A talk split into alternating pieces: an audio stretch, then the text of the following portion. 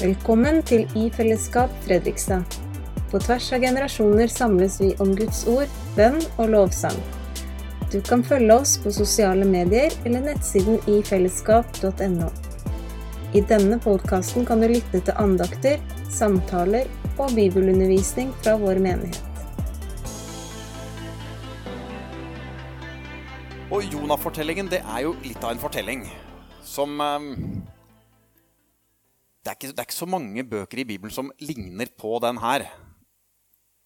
Eh, vi leser om profeter som uh, syns det er krevende å være profet, men aldri ellers om noen som faktisk prøver å stikke av.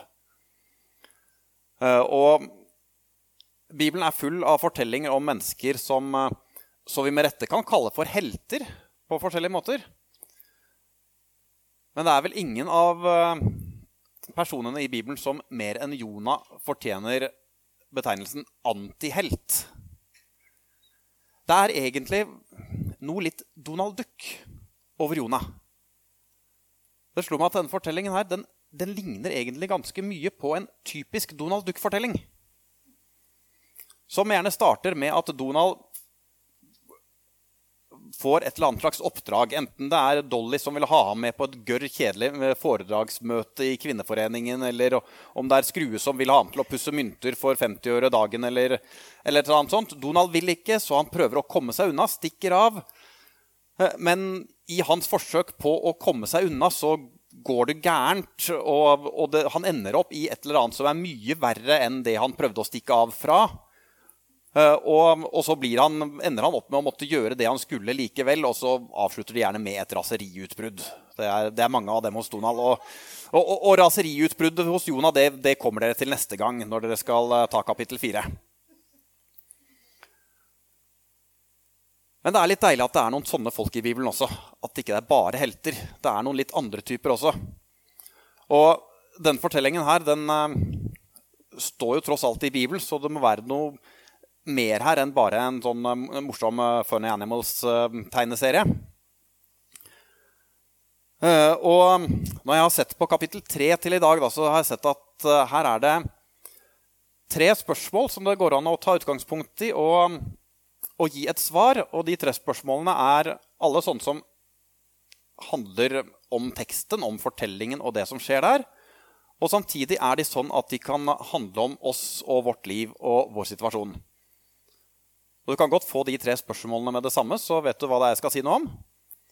For det første hvorfor sender Gud Jonah til Ninive? For det andre hvorfor drar Jonah til Ninive?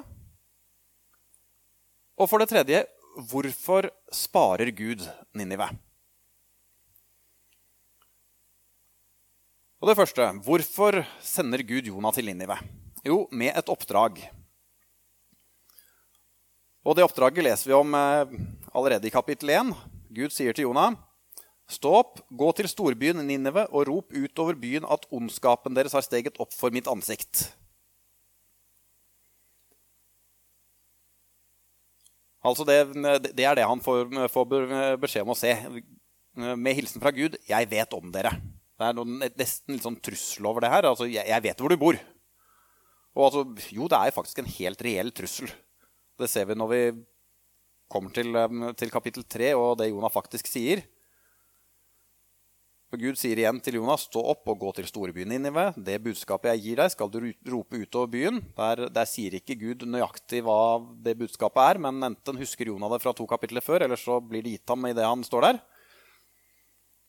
Og Så går han da en dagsreise inn i byen og roper ut ennå 40 dager, og så skal Ninive bli ødelagt.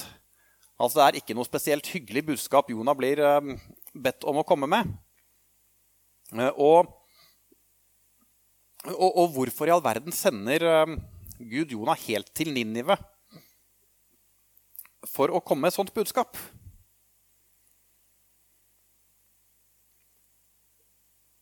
Jeg skal si litt om Ninive. Kanskje har dere hørt om, om det de to forrige gangene også. men... Ninive er altså hovedstaden i det asyriske riket, som på denne tiden er en skikkelig stormakt i Midtøsten. Um, ingen er spesielt glad i asyrerne, for de kriger og herjer og legger folk under seg. Og, og både Israel og Juda har mye trøbbel med asyrerne. Eh, så vi, vi skjønner jo at Jonah ikke hadde lyst til å dra dit. Men Gud har altså noe på hjertet til folk i Ninive. Og hva er det? Ja, er det bare det at om 40 dager skal byen deres bli ødelagt? Sender Gud Jonah bare dit for å si det? Kunne han ikke bare la det gå 40 dager og så ødelegge byen uten å måtte si noe på forhånd? Nei, vi, vi, skjønner jo, og i kapittel 4 kommer det helt tydelig eh, fram, at under alt det her så ligger det at Gud har omsorg for Ninive. Bak dommen ligger det en omsorg. Og de 40 dagene, det er ikke bare sånn um, Så nå kan dere bare begynne å telle ned. Eh, det, det er en, en, mulighet til å omvende seg. En mulighet til å få et annet utfall enn det Gud først sier at skal komme. Og jeg har lurt litt på hvordan ble denne fortellingen lest av dem som først leste den, og som visste litt om hva Ninive er for slags sted. Uh, og, og, som hadde dessuten en, en tydelig tanke om at uh, det er vi som er Guds utvalgte folk. Det er, det er oss Gud særlig bryr seg om. Uh, og det, det, er ikke helt lett å sette seg inn i akkurat hvordan det har vært. Altså, vi, vi kan tenke i, i, vår tid så er det jo særlig Russland og Vladimir Putin som hele samlede Vestens vrede er vendt mot. Men likevel, hvis jeg står her og sier at Gud elsker Vladimir Putin, og Gud elsker hver eneste russer Det er ingen av dere som syns det er kontroversielt. Det er ingen av dere som blir sjokkert av at jeg sier det, for det vet dere allerede. At sånn er Gud. Han elsker alle mennesker. Det er mulig dette var mer kontroversielt på, på Jonas' tid. For jeg er ikke sikker på om de hadde helt den tanken. At Guds kjærlighet er for alle folk. Eh, jeg, jeg, tror eh, tanken om at Gud skulle ha omsorg for Ninive, var atskillig mer sjokkerende for dem som levde på den tiden, enn det er for dere når jeg sier at Gud elsker Vladimir Putin. For den, den tanken hadde ikke helt vent seg til å tenke. Men det er noe av hovedbudskapet i hele Jonah-boken. Det er ikke først og fremst en fortelling om en, om en mann som blir spist av en fisk. Det er fortellingen om Guds kjærlighet og det er fortellingen om noe i Guds kjærlighet som ikke alle eh, var helt klar over da denne fortellingen ble fortalt, nemlig at den er for alle mennesker. Den er til og med for de folkene i Ninive som har herjet og ødelagt så utrolig mye for oss. Som det bare er bråk med. De er også omfattet av Guds kjærlighet.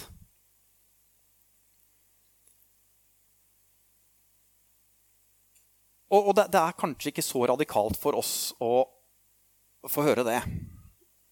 Eh, vi er eh, som regel vant til å tenke at jo, Gud elsker faktisk alle mennesker.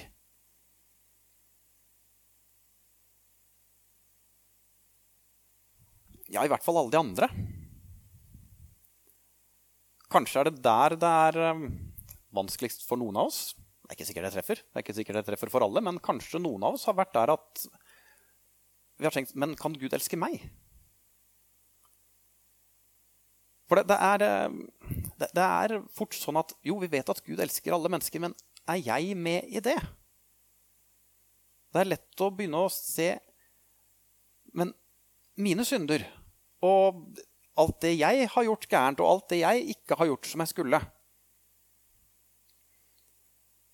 Kan Gud elske meg på tross av det? Jeg tror djevelen elsker å gi oss sånne tanker få oss til å tvile på at vi er omfattet av, av, det her. Det gjelder for alle andre. Det gjelder for den som sitter ved siden av deg og rundt i rommet her. Men gjelder det for deg? Nei, det er ikke sikkert. Fortellingen om Jonah det er en fortelling som viser oss at jo, det er faktisk sikkert. Og kommer de tankene opp, så går det an å tenke på Jonah-fortellingen og på folket i Ninive. Og ta det som en påminnelse at jo, når folk faktisk elsket folk i Ninive og ønsket å gi dem en ny mulighet. Med alt de hadde av krig og brutalitet og overgrep og greier på, på sitt rulleblad.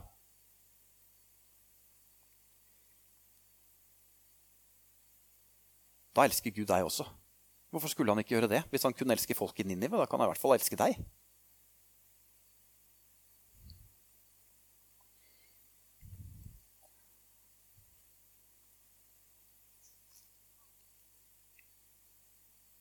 i starten av første Johannesbrev.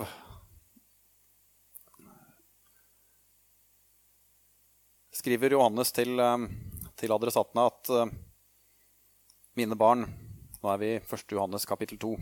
Mine barn, dette skriver jeg til dere for at dere ikke skal synde. Men om noen synder, har vi en talsmann hos Far, Jesus Kristus den rettferdige. Han er en soning for våre synder, ja, ikke bare for våre, men for hele verdens. Hvorfor har Johannes presisert der at ikke bare våre, men for hele verdens? Jeg vet ikke hvorfor han skrev nøyaktig som han skrev, men det jeg ser når jeg ser det her, er at, at hvis, hvis, Jesus har gitt soning for ikke bare våre synder, men faktisk for hele verdens, altså hele verdens synder, det er helt enormt mye synder. Og hvis Jesus har gjort soning for det, for hele verdens synder Det er klart mine synder er med der. Det er ikke hele verdens synder bortsett fra Frodes. Og dine og mine synder er med der. Det understrekes tydelig. Ikke bare våre, men hele verdens. Og det er en masse synd. Selvfølgelig er det plass til vår synd også i det Jesus har gjort soning for.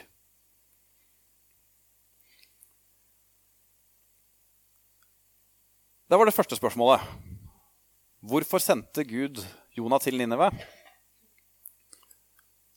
Han gjorde det fordi han hadde omsorg for Ninive. En sånn litt forkledd omsorg til å begynne med. Men vi skjønner det etter hvert som vi leser utover i boken, at det er det det handler om.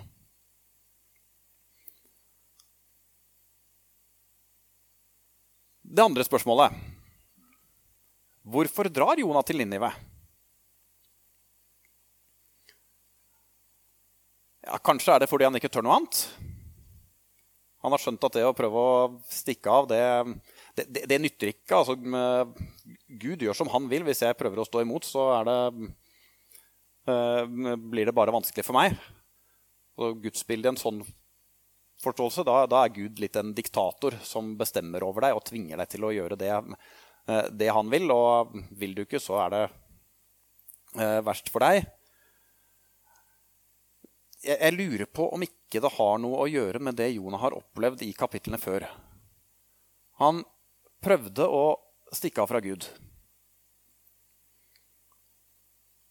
Og som Donald Duck så gikk det jo bare mer gærent av at han prøvde å stikke av. Men så får han et sterkt møte med Gud underveis i det han havner oppi. Han eh, blir, som dere husker, kastet på sjøen for, å, eh, for at stormen skal stilne. Og så blir han slukt av en stor fisk. Og i fiskemagen så ber Jonah til Gud. Og det er ikke en bønn om frelse, men det er en takk for frelsen. På en måte kanskje litt rart at den kommer allerede der. Den kommer ikke da Jonah hadde kommet på land igjen. Den, den kommer allerede i fiskemagen. Men vi skjønner at allerede det å bli spist av fisken, det skjønner Jonah at uh, allerede det er frelse. Uh, alternativet var jo å bli, uh, bli druknet i havets dyp. men han fikk en ny mulighet i fiskemagen og, og, og skjønner at det, eh, nå er det Gud som griper inn og frelser. Her, her, er det noe spesielt som skjer. Og det gjør at når han eh, da blir spydd ut på land igjen, så er Jonah en erfaring rikere. Og for en erfaring. For det første, han har sett en fiskemage fra innsiden. Eh, men først og fremst har han opplevd at Gud er en Gud som frelser. Og den erfaringen av at Gud er med ham selv når han har prøvd å stikke av, og, og selv når han blir kastet på sjøen Jeg tror den erfaringen har gitt Jonah en trygghet. Som gjør at han tenker ok, hvis Gud uh, kunne ordne det her da jeg havnet på sjøen, hvis han kunne frelse meg fra det, da, da, er jeg faktisk ikke så redd for å dra til Nineve. Da, da tror jeg uh, Gud kan Eh, kan være med meg der også. For han har opplevd Guds frelse. Og det gir trygghet for å gå videre i tjeneste for Gud.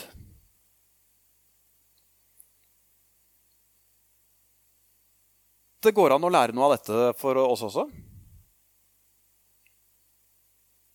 Det beste utgangspunktet for tjeneste det er det at vi har fått oppleve Gud som frelser. At vi har fått oppleve at Gud tar imot oss akkurat sånn som vi er. Samme hva vi har gjort, om vi har prøvd å stikke av, eller hva det er vi, eh, vi har. Gud tar imot oss sånn som vi er, og blir vår frelser sånn som vi er. Og når vi har møtt Gud på den måten, så gir det en type frimodighet til tjenesten som vi ikke hadde hatt ellers. For det er ikke bare et oppdrag som kommer ut av løse luften, det er et oppdrag som kommer fra en vi har fått møte, fått bli kjent med, som har fått bety noe spesielt for oss. Som har fått bli vår frelser. Og det er utgangspunktet for at han, for at han sender oss ut. Det er utgangspunktet for at han kaller oss til, eh, til, tjeneste. Og når vi har opplevd det, da kan vi være trygge på at Gud går sammen med oss i tjenesten også. Vi vet ikke alt om hvordan det kommer til å gå, men vi kan være trygge på at Gud som har frelst oss, han overlater oss ikke til oss selv i det heller. Jeg tror det var litt på bakgrunn av det at Jonah nå går til Ninive med en eh, annen frimodighet enn den han hadde i kapittel 1.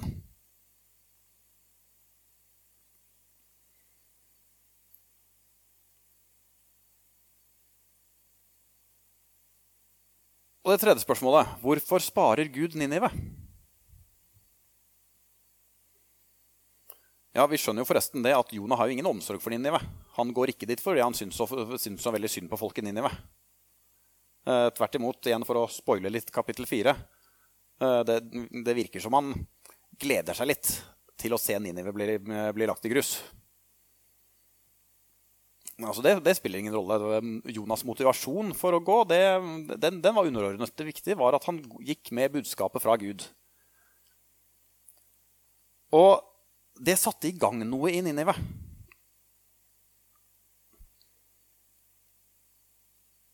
Og Jonah-fortellingen det, det, er en fortelling som mange har lurt på hva slags fortelling er det egentlig. Har, har dette skjedd i virkeligheten?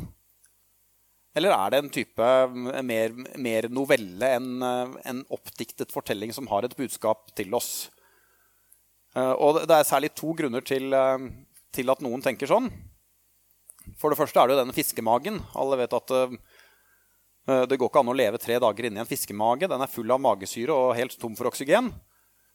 Så, så det går ikke an. Det, det, vet alle. Ja da, så, så, er det jo bare det at vi tror på en Gud som kan gjøre under. Altså Kan han vekke Jesus opp fra de døde? Det er klart Han kan la en mann leve inn i en fiskemage hvis han skulle ha lyst til det. Så det i seg selv er ikke noen, uh, no, no, noen grunn til å avvise fortellingen hvis vi har som premiss at det finnes en gud som kan gjøre under. Det andre ankepunktet mot denne fortellingen er det som skjer i Ninive, at hele folket med kongen i spissen omvender seg til Gud og ber om nåde. Det finnes ikke noe i noen andre typer historiske kilder som forteller at noe sånt har skjedd. Eh, og um, av det kan vi trekke i hvert fall to mulige konklusjoner. Det ene er at det har faktisk aldri skjedd. Eller en annen mulig konklusjon er at det har skjedd, men det ble såpass kortvarig. Det, det satte ingen spor. Det gjorde sterkt inntrykk da, eh, der og da. Men, men, det ble med det. Da Jonah hadde dratt, eh, dratt, hjem igjen, så falt de tilbake i gamle synder. Og, og, og det ble ikke noen, noen varig effekt. Jeg sier det her for å vise at uh, disse to ankepunktene mot Jonah-fortellingen de er ikke på noen måte noen, noen, ugjendrivelige bevis mot at dette har skjedd i, i historien. Det er, um, det, er, det er, flere måter å tolke dette på som, som åpner også for en historisk lesning av Jonah-boken. Men altså, uansett hva det er som skjer etterpå, det vi får um, lese om her, som skjer um, da folk inni får høre budskapet uh, fra Jonah, det, det, gjør inntrykk. Og kongen sender ut budskap om at etter påbud fra kongen og hans stormenn ingen, verken mennesker eller dyr, storfe eller småfe, må smake noe som helst. De skal ikke beite og ikke drikke vann. De skal kle seg i sekkestrie, både mennesker og dyr, og rope til Gud av alle krefter. Hver og en skal vende om fra sin onde vei og fra sine overgrep. Hvem vet? Kanskje Gud vil snu om og angre og vende seg bort fra sin brennende vrede, så vi ikke går under. Hvorfor sparte Gud Ninive? Var det fordi eh, folket gjorde seg fortjent til det? Ja, så Det står jo noe her om at hver og en skal vende om fra sin onde vei og fra sine overgrep.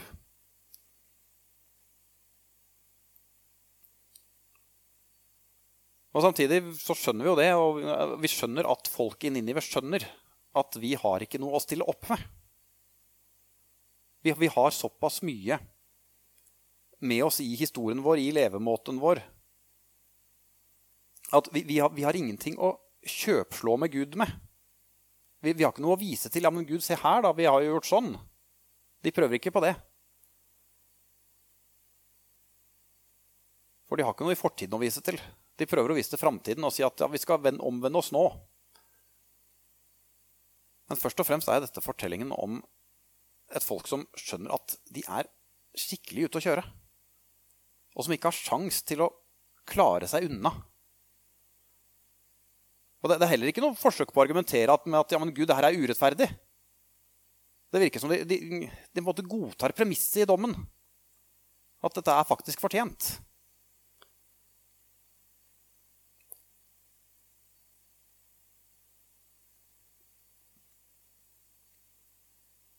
Men likevel, som kongen sier de skal, rope til Gud av alle krefter. Altså, dette er fortellingen om, om en, en, flokk som rett og slett er helt desperat. For det er man hvis man roper til Gud av alle krefter. Og det, det eneste kortet de har å satse på, er at Gud faktisk er en nådig Gud.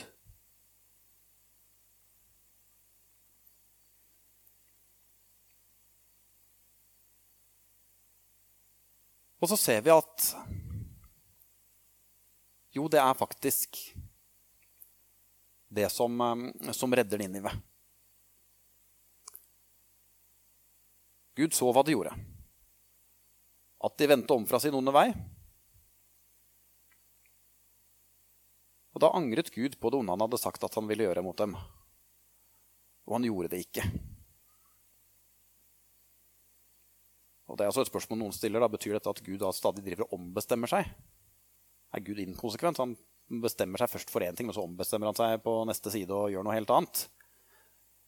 Nei, dette er fortellingen om Gud som er konsekvent hele veien. Som straffer synden, men som tar imot den som omvender seg og ber om tilgivelse.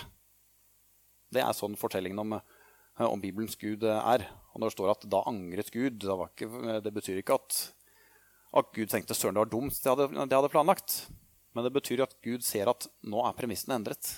Nå er det et annet folk jeg har med å gjøre, for de har, de har omvendt seg. De, begynner, de, har begynt å rope til meg av alle krefter. Og den som roper til Gud av alle krefter og ber om nåde, får det.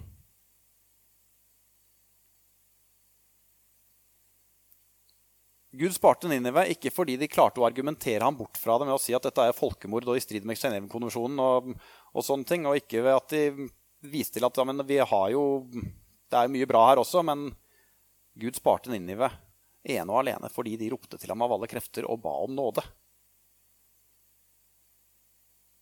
Ja, altså De prøvde seg også med å si at ja, vi skal omvende oss heretter. Og Gud, Det står jo også at Gud så hva de gjorde, at de vendte om fra sin onde vei. Altså det, det, hadde ikke hjulpet om det hadde omvendt seg fra sin onde vei der og da, om ikke det var for at Gud også hadde nåde og kunne møte dem med tilgivelse for alt de allerede hadde gjort og lagt bak seg og, og, og, og trengte tilgivelse for.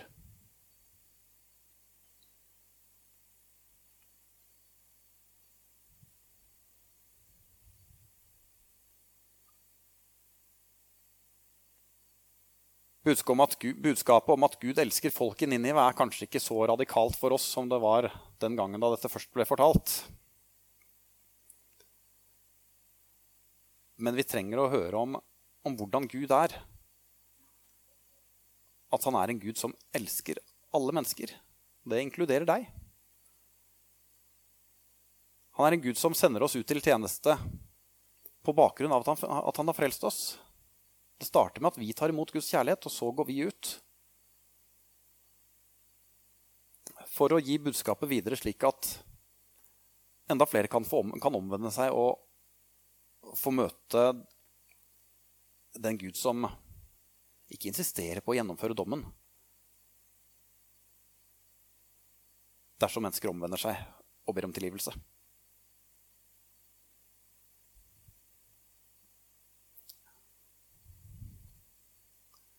Gud, takk for at du elsker alle mennesker. Takk for at du elsket folk i Ninive. Takk for at du elsker hver og en av oss. Og takk for det Jonah-fortellingene viser oss. At det fins ingen mennesker som ikke er en del av din kjærlighet, og ingen mennesker som ikke kan ta imot tilgivelsen fra deg når vi kommer til deg og ber om det. Og ber om at vissheten om at vi har fått ta imot frelse, må gi oss frimodighet til tjeneste, slik at vi kan spre dette budskapet til enda flere. Amen.